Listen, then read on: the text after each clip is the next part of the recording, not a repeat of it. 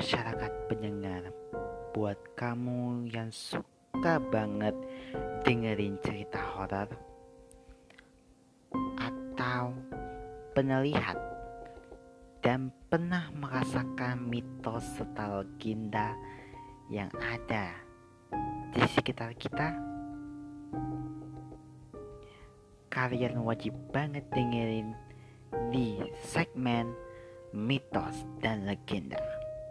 Mitos dan legenda merupakan podcast terbaru dari berbagi cerita Tyler yang mengangkat sebuah kisah sekaligus makna di balik sebuah peristiwa serta mengungkap mitos dan fakta yang dibalik di dalamnya.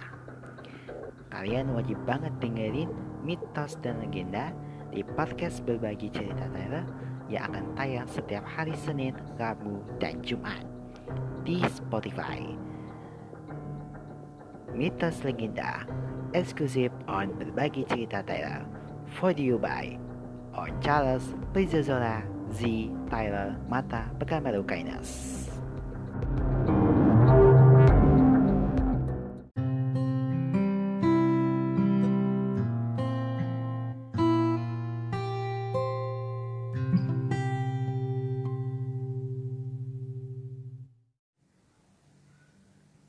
Ensiklopedia Indonesia. Stasiun Jakarta Kota. Kemegahan dalam kesederhanaan Stasiun Jakarta Kota atau yang juga dikenal dengan Stasiun Beos merupakan kependekan dari Batavia Oosten Worldwide Maskapai atau maskapai angkutan kereta api Batavia Timur. Stasiun Jakarta Kota juga memiliki nama lain yaitu Batavia Zuid yang berarti Stasiun Batavia Selatan. Nama ini muncul pada akhir abad ke-19 karena Batavia memiliki stasiun kereta api Batavia Mall atau Batavia Utara yang terletak di sebelah selatan museum sejarah Jakarta sekarang. Batavia Bur pada awalnya dimiliki oleh perusahaan kereta api Neverland Eastern Story Maskapai atau INS dan merupakan tempat pemberhentian kereta untuk jalur Batavia Buinzon Jakarta Bogor yang pada tahun 1993 jalur ini dijual ke pemerintah Hindia Belanda dan dikelola oleh Staatsstopper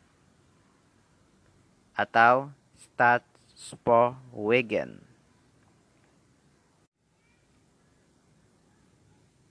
Stasiun Batavia Zuid atau Stasiun Beos dibangun sekitar tahun 1870, kemudian ditutup pada tahun 1926 untuk reformasi menjadi bangunan yang terlihat saat ini.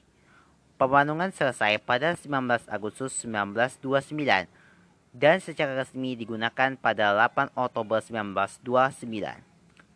Stasiun Batavia Zuid diresmikan oleh Gubernur Jenderal JAR ACD de Graaf yang berkuasa pada zaman Hindia Belanda tahun 1926 hingga 1931.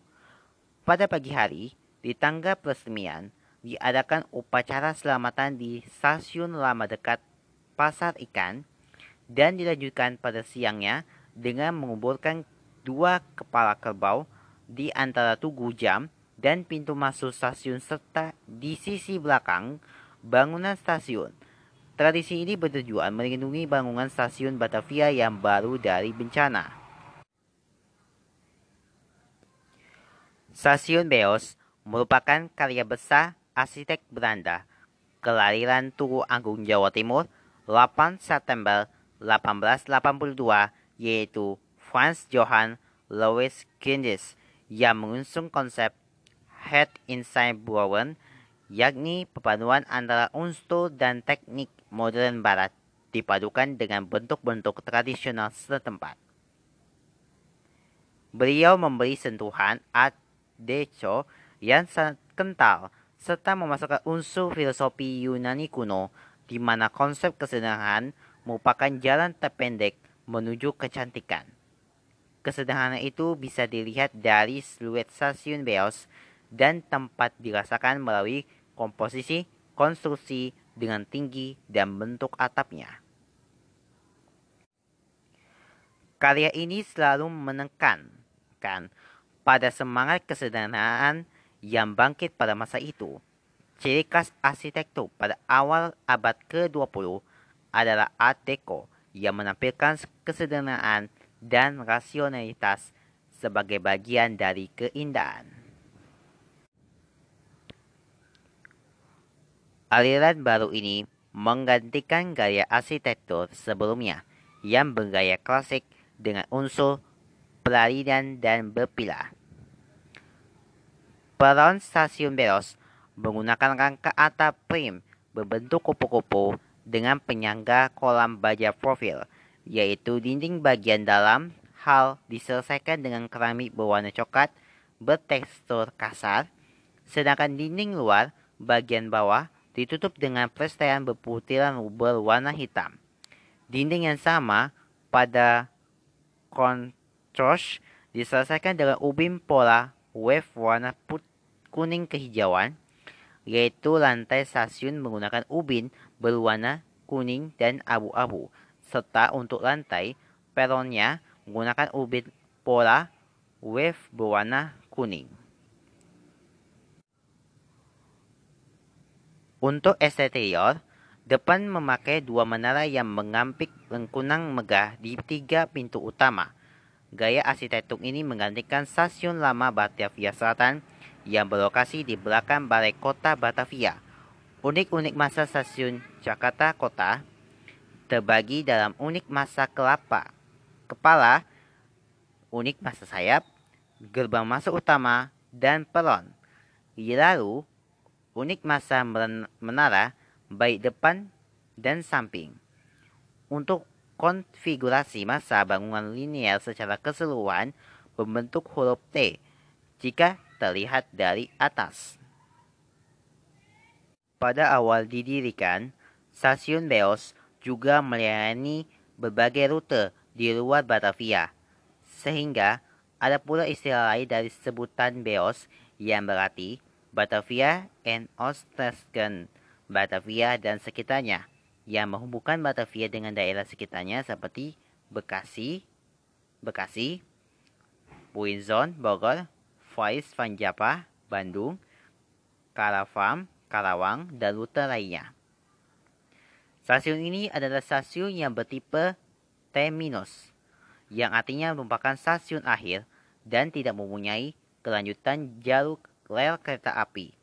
Stasiun Jakarta Kota ditetapkan sebagai bangunan stasiun cagar budaya berdasarkan SK Gubernur nomor 475 tahun 1993 tanggal 29 Maret 1993 dan SK Menpora nomor PM 13 garis miring PW titik 007 garis miring MKP garis miring 05 tanggal 25 April 2005. Stasiun Beos atau yang di sekarang disebut dengan Stasiun Jakarta Kota kini menjadi tempat pemberhentian penting bagi banyak orang, baik yang bertujuan untuk berwisata maupun bekerja. Selain kereta api jarak jauh, Stasiun ini juga melayani perjalanan kereta komuter lain dengan tujuan Jabodetabek. Meski dibangun pada era kolonial, bangunan stasiun Jakarta Kota masih tetap kokoh berdiri menghubungkan transportasi warga yang kian riuh dengan aktivitasnya. Jadi hari ini kita mau membicarakan tentang kisah siswi yatim dihina bodoh dan miskin oleh guru gara-gara belum bayar buku dan SPP. Oke. Okay.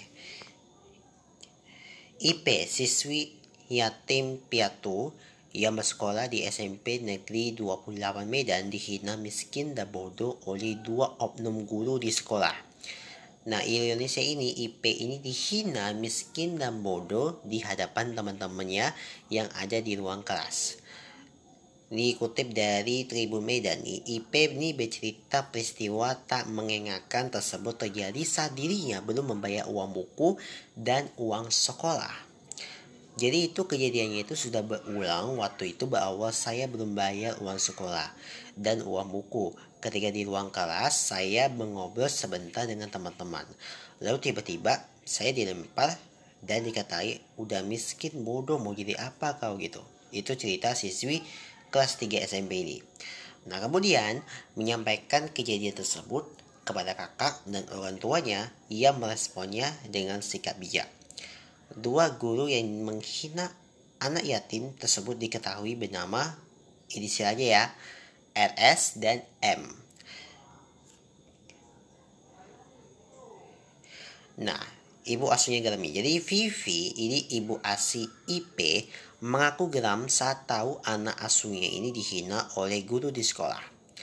Kalau dibully sama teman mungkin masih bisa saya atasi. Tapi ini anak saya dihina oleh seorang pengajar di mana seharusnya mereka menjadi contoh malah memberikan pengakuan yang tidak baik itu ucap indah kepada Tribu Medan.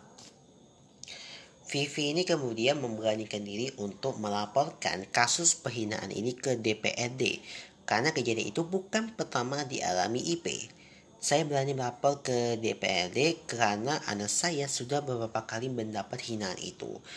Pertama waktu 6 bulan lalu dan ini ketika pembagian rapot kemarin.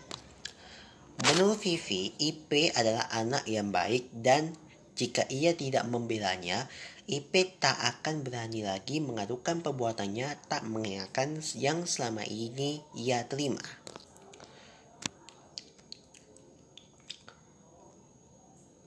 Sambungannya. Ibunya IP ini menurut Vivi sudah meninggal dunia, sementara sang ayah tidak jelas keberadaannya.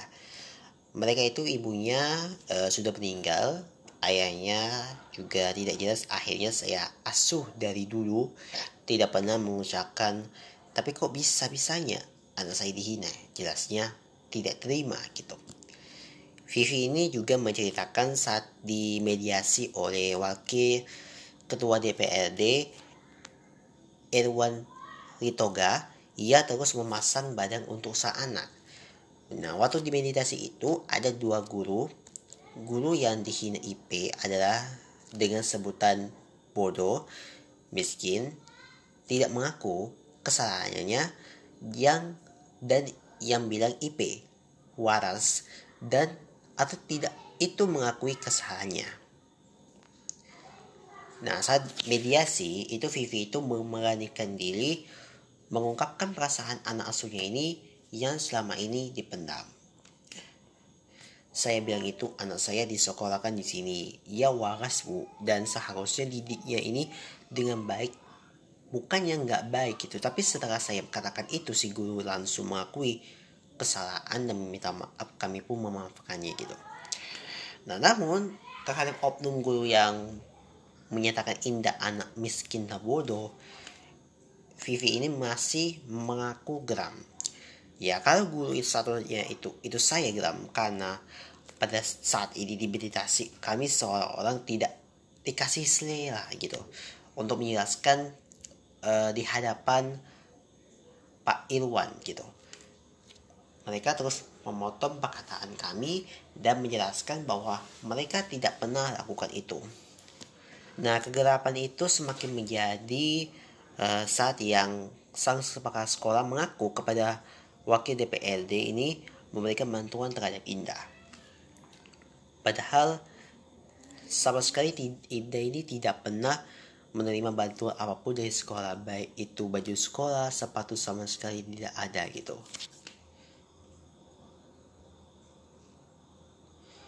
kita lanjut ke berita uh, cerita tentang kasus ini Vivi kasus Vivi IP ini oke okay. IP kembali dihimarahi guru. Jadi Vivi ini menyatakan di akhir mediasi ia dan pihak sekolah sempat bermaaf-maafan, tapi saat wakil DPR meninggalkan sekolah, IP ini kembali dimarahi oleh guru. Jadi kemarin mereka minta maaf untuk apa kalau akhirnya IP dimarahi sampai nangis kita kata dikata-katain. Masalahnya sepele bawa-bawa ke DPRD. Makanya saya semakin gerap gitu. Dikatakan Vivi bahwa mungkin saja kejadian ini sudah banyak kali terjadi. Hanya saja siswa masih diam gitu. Siswanya masih diam. Saya tidak mau anak saya itu jadi menjadi pengakut. Jika ia benar jadi saya ajarkan anak saya untuk berani mengungkapkan apa pun yang dirasa tidak baik.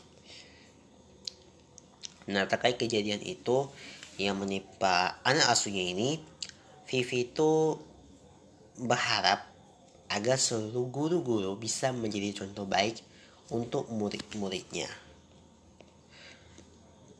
Jangan menghakimi siswa padahal kita tidak tahu latar belakangnya.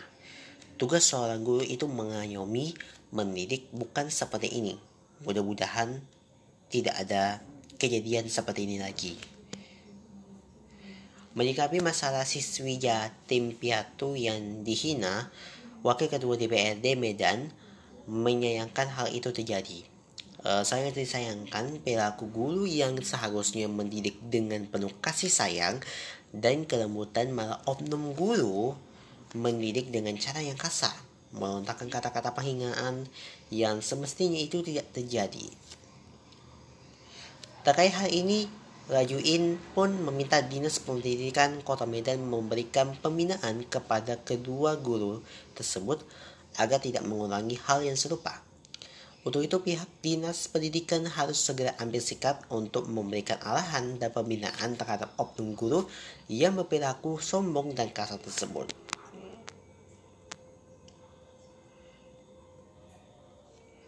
Ya, Rajui pun juga menyatakan jika hal yang serupa tetap terjadi usai diberikan peringatan, oknum tersebut harus diberikan efek jerah melalui proses hukum.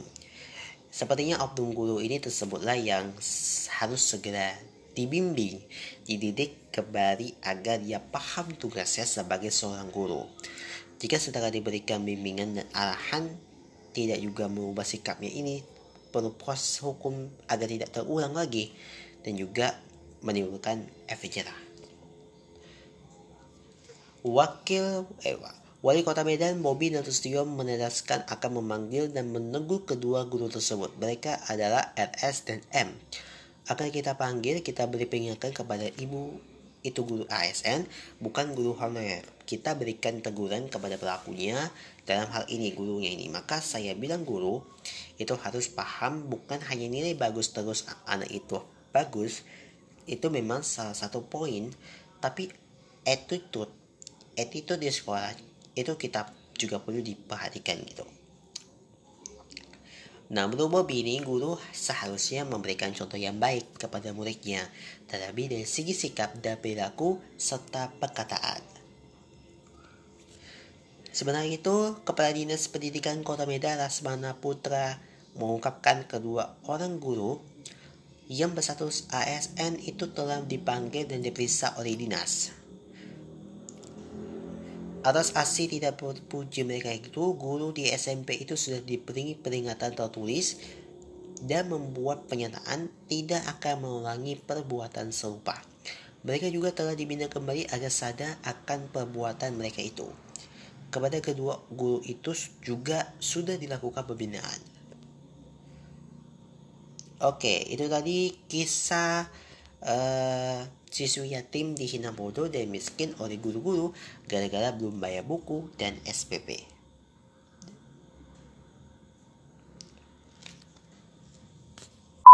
Sahabat Thailand, permasalahan pengelola sampah masih menjadi isu yang belum juga terselesaikan.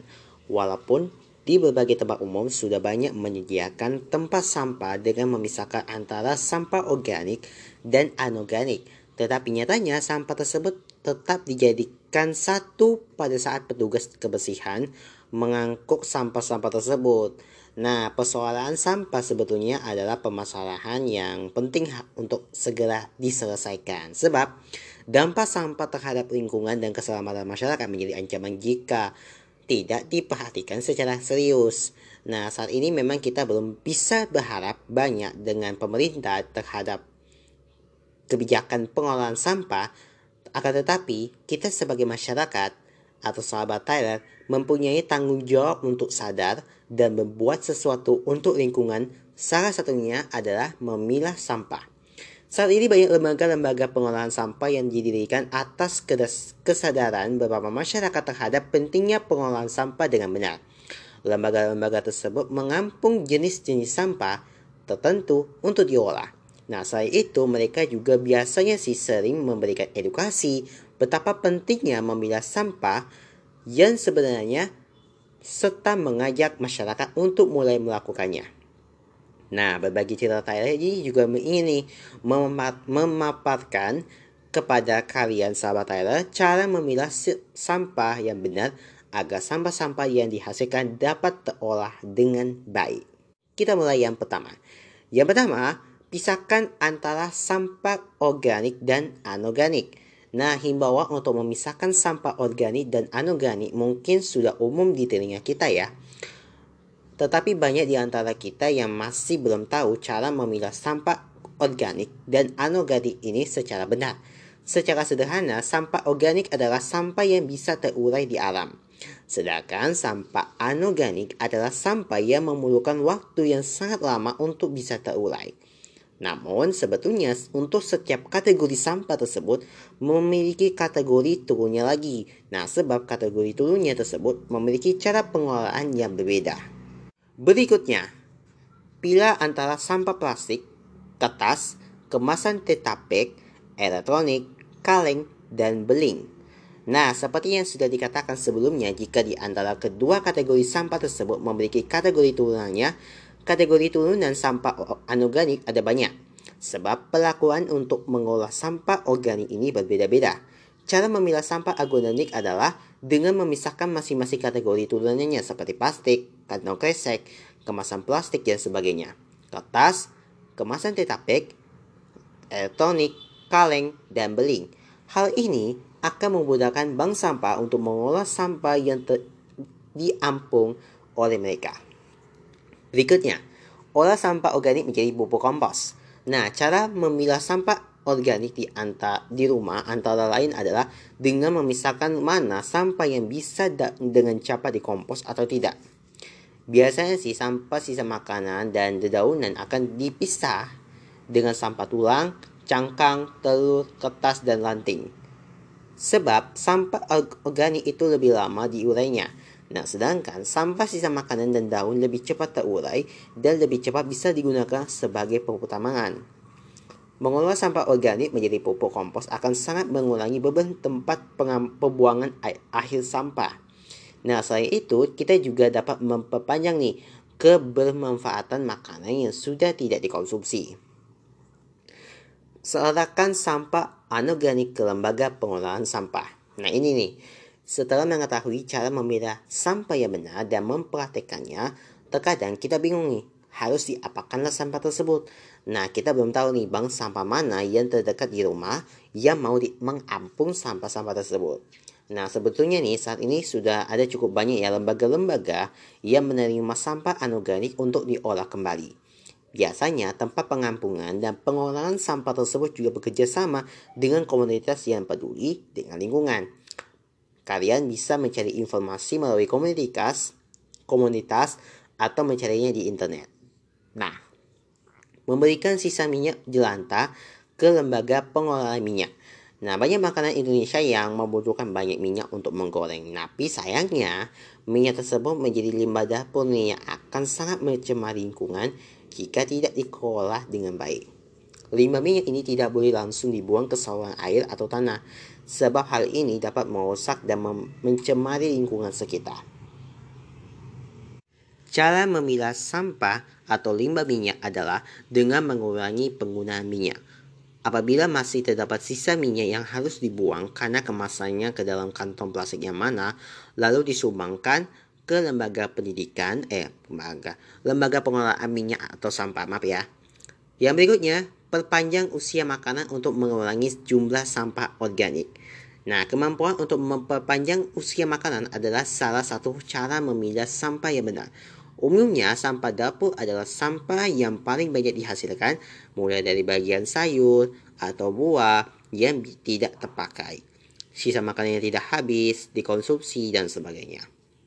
Nah, untuk mengurangi jumlah sampah plastik, kalian bisa mengolah bagian sayur atau buah yang biasanya tidak terpakai untuk dimasak. Sebagai contoh nih, kulit udang. Ia dibuang bisa kalian sangrai hingga kering dan dihaluskan hingga menjadi kaldu bubuk. Nah, sekali lagi seperti contoh ya, kulit udang yang dibuang biasa kalian sangrai hingga kering dan dihaluskan hingga menjadi kaldu bubuk. Bagian tulang ayam atau sapi bisa kalian jadikan kaldu tulang yang lezat. Begitu juga dengan batang sayur. Kulit bawang, kulit wortel, bagian ujung atau bonggol sayur disatukan dan direbus dan diberi bumbu tambahan maka akan menjadi kaldu sayur yang lezat. Gitu. Yang berikutnya nih, daur ulang sampah organik menjadi barang berguna. Nah, seperti yang kita tahu, sama halnya dengan sampah organik yang bisa diolah kembali. Nah, sampah anorganik pun bisa didaur ulang menjadi barang berguna lainnya. Misalnya, plastik kertas, kesas, kekas, kemasan, sabun cuci, atau makanan ringan bisa digunakan sebagai pengganti polybag untuk menanam tanaman. Atau kalim bekas susu bisa dijadikan tempat sendok maupun pot, pot bunga ya. Nah, memanfaatkan sampah anorganik menjadi barang berguna lainnya adalah cara memilah sampah yang bijak agar menilai suatu barang menjadi lebih manfaat. Nah, setelah mengetahui cara memilah sampah yang benar, kita akan menjadi bijak dalam pengolahan sampah. Nah, kita juga akan semakin bijak dalam membelajarkan uang untuk membeli barang-barang yang lebih bermanfaat dan mengurangi simpat konsumtif. Halo teman-temanku semua, sahabat Tyler di mana pun Anda berada, bagaimana kabarnya hari ini? Semoga kami harapkan dalam keadaan yang sehat selalu, tetap semangat dalam menjalani aktivitas sehari-hari.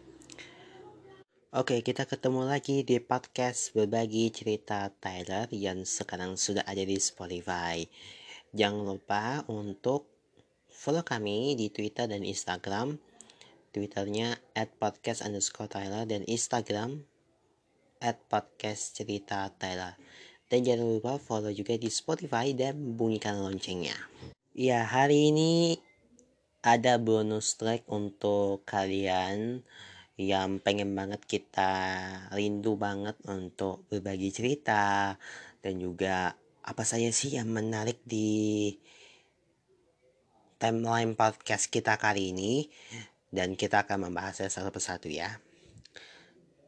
Kita akan bahas yang lagi ramai dulu di timeline podcast hari ini. Jadi,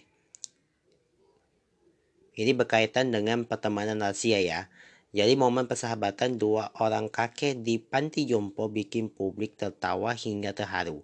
Lantaran dua kakek tersebut terlihat akrab dan saling jahil seperti kanak-kanak.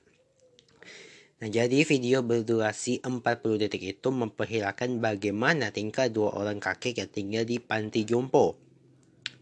Nah, terlihat dua kakek tersebut saling peduli, melempar canda, hingga melakukan aksi jahil. Hal itulah yang membuat banyak warganet salah fokus menyaksikan tingkah kakek lanjut usia tersebut. Apalagi saat mereka tengah mengantre, kakek ini memakai baju kotak-kotak tersebut tampak menjahili sahabatnya. Dia terlihat mengusap kepala kakek berbaju kuning tersebut, terlebih kepala sang sahabat tanpa sedikit botak akibat rambut yang telah rontok lantaran usia yang telah menua. Hal itulah yang membuat si kakek yang duduk di belakang sahabat itu mengusap kepala kakek tersebut. Ya, divisi sahabat itu akan selalu ada di belakang buat support. Gitu. Lanjut ini berita yang kedua nih guys. Ini adalah terpaksa harus diamputasi kakinya. Pria bernama John Ryder ini memasangkan roda-roda dari mainan pesawat terbang untuk menolong kura-kura peliharanya. Ini bernama Mr. T. Inisialnya T ya. Jadi mengutip timeline, seorang pemilik kura-kura John Ryder menempelkan roda pada tempurungnya. Hal itu dimasukkan agar Miss T ini bisa berjalan dua kali lebih dua kali lipat lebih cepat. Bahkan menurut Ryder, kura-kura seperti bermain dalam film Turbo Charger. Turbo Charger ya. Misty ini menggunakan kaki di punggungnya agar di tubuhnya bisa bergerak maju. Menurut Ryder, Misty ini terlihat mengerikan usai kakinya depan, usai kakinya di depan itu harus dimakan tikus. Dokter hewan tuh harus berjuang untuk menyelamatkan nyonya T. Rider. Nah, kemudian meminta anaknya yang seorang isen, isenyo ini mekanik untuk membuatkan sepatu roda. Perempuan berusia 56 tahun itu kemudian optimistis bahwa kura-kura bisa berjalan lebih cepat dan dapat hidup hingga 50 tahun lagi.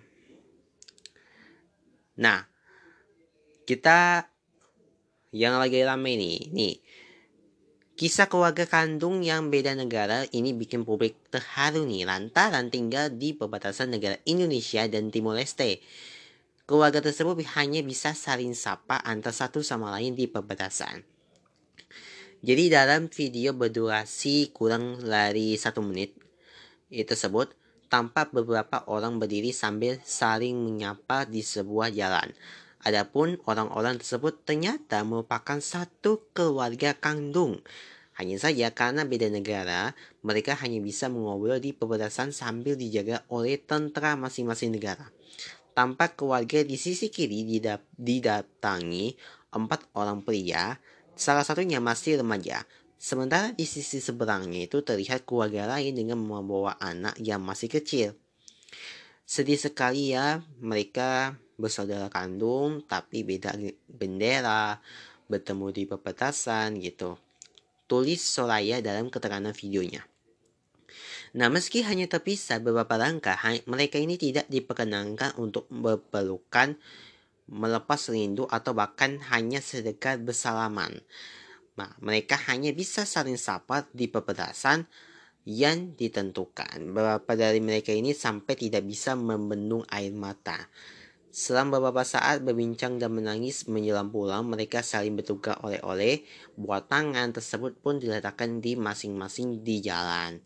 Kemudian saling bergantian mengambil lambaian tangan, tanda berpisah diberikan setelah urusannya selesai.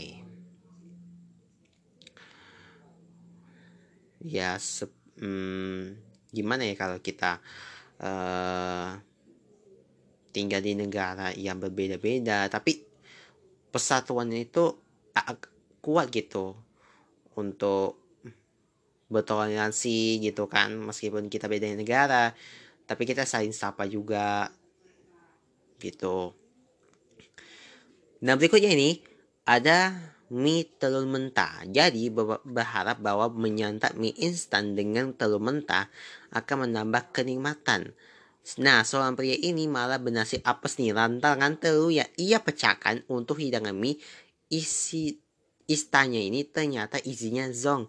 Kenapa ya? Jadi dari tayangan video tersebut terlihat seorang pria ingin menyantap mie instan dengan tambah tambahan telur namun tidak dimasak. Nah, melainkan ditambahkan di atas mie yang sudah disiap disantap saat masih mentah. Nah, ide tersebut didapatkan sang pria mengira bahwa menyantap mie instan dengan mie dengan telur mentah akan menambah kenikmatan bagi yang menyukainya. Dia pun mencoba menyeduh satu kemasan mie dalam gelas. Kemudian dia tersebut mengambil satu butir telur dan lantas memecahkan menggunakan sendok tepat di atas mie instan tersebut. Nah, ketika beberapa kali ketukan, telur pun akhirnya pecah. Namun sayang telur itu mengeluarkan cahaya bau kehitaman. Rupanya nih telur tersebut busuk dan mengeluarkan bau tidak sedap. Nah, kejadian itu akhirnya membuat sang pria tidak jadi mengkonsumsinya. Aduh, sayang banget ya ya. Tapi kita ya apa kata warga nih? Udah kelihatan nih platnya warna hijau, eh masih dipaksain. Kalau kata dia nih, udah kelihatan cairan hijau keluar dilanjutin emangnya natural videonya. Dari lagi nih ya, itu kan pas nyimpan dari pertama udah kelihatan warna cipatnya aja berbeda lagian kalau udah jelek pas pertama dibuka lah ketahuan baunya jadi gak bakal sampai sengaja dipecah utuh gitu. Settingan sih gitu. Ada yang bilang settingan atau enggak gitu. Nah.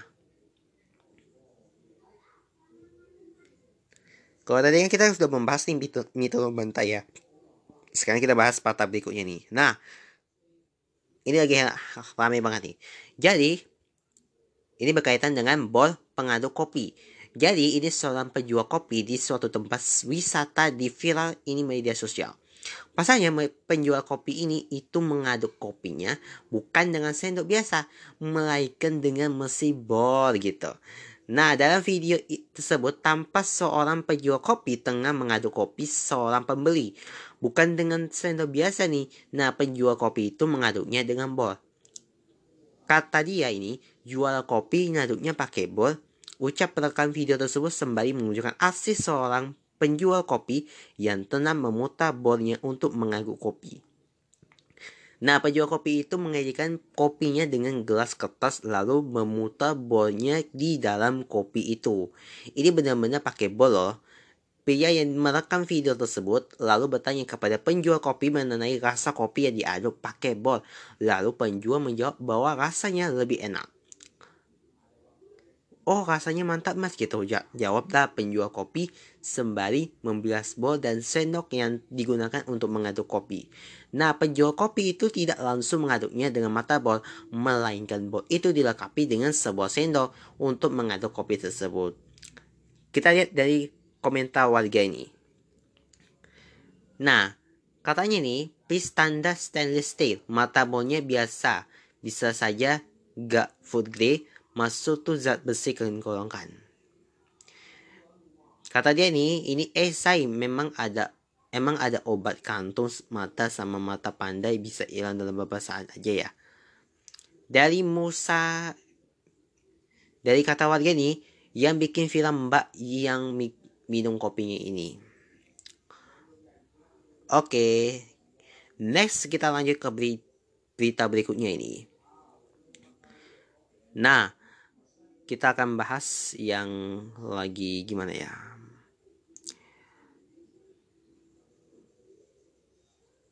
Oke, tak saya cari dulu ya.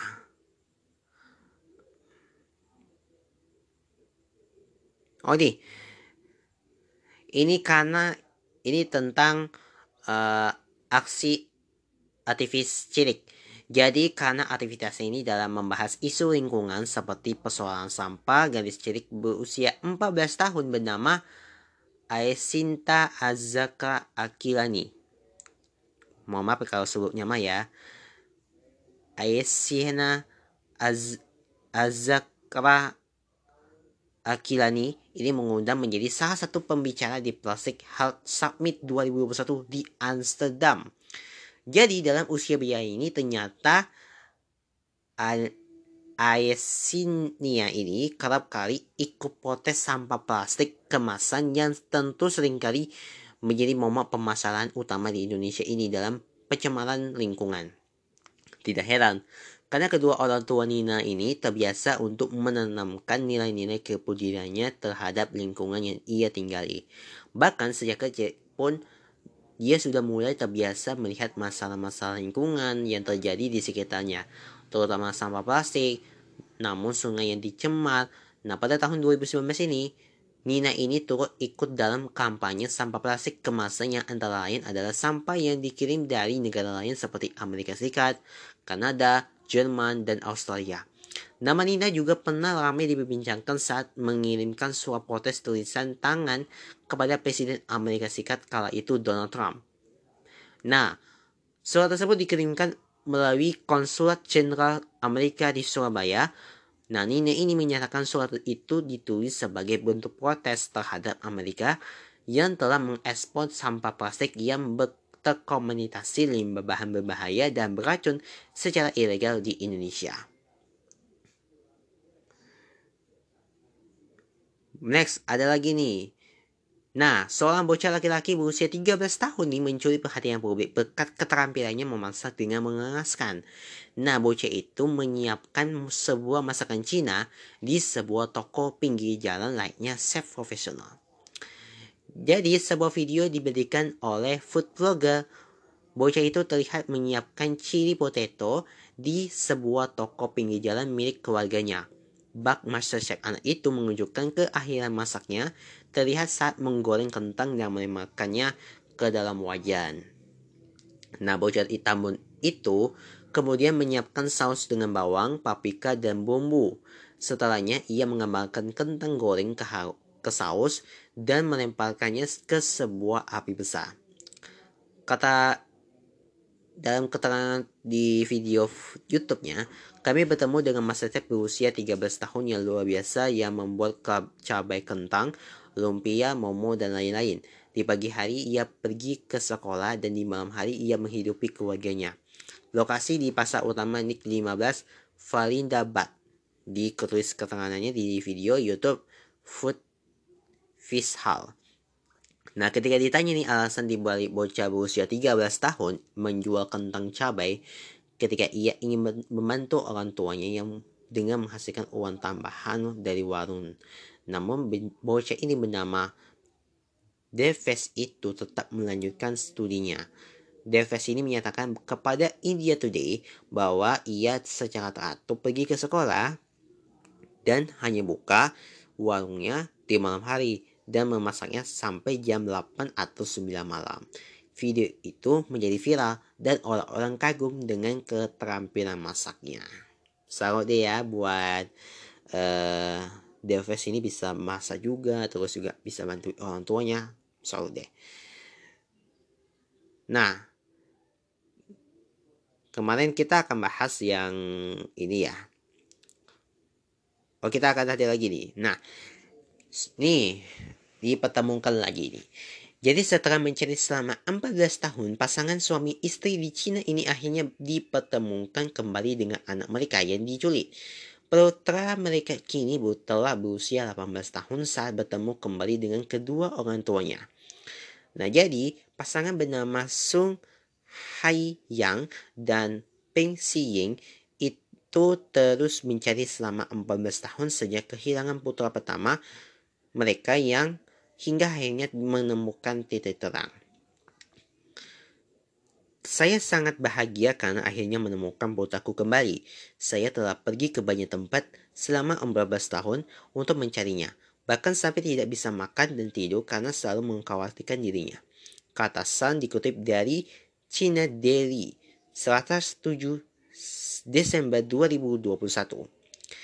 Sang juga berterima kasih kepada petugas Kementerian Keamanan Publik Cina karena membantu untuk mempertemukan kembali dengan putranya Song Damping sebenarnya tinggal di Jiani, Provinsi Hubei.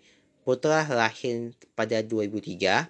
Empat tahun kemudian keluarganya mereka pindah ke kota Shenzhen untuk menjalankan bisnis roti guna memperbaiki perekonomian keluarga. Namun pada 9 Oktober 2007, sang ini nama putra mereka saat itu diculik pria tidak dikenal saat bermain di halaman rumah sore hari. San dan istrinya putuskan untuk menetap di Shenzhen sambil berusaha untuk mencari sang buah hati. Mereka bahkan mengeluarkan hadiah 200 yuan atau sekitar 452 juta rupiah bagi mereka yang bisa menemukan putranya. Nah, sementara itu kepolisian menjelaskan kasus orang hilang ini terungkap setelah dilakukan tes DNA. Ini bermula dari laporan yang masuk seorang bocah yang memiliki wajah mirip dengan Sun Zio. Kita lihat di kata warga nih, kata mereka selalu dengan orang tuanya dalam 14 tahun masih berjuang dan percaya bahwa anaknya masih hidup. Kemudian ada bapaknya kelihatan sayang tulus dan kangen banget kayaknya sama anak ya Allah benar kayak ia bersyukur akhirnya ketemu anaknya selama 14 tahun ini. Nah, kata dia nih, anda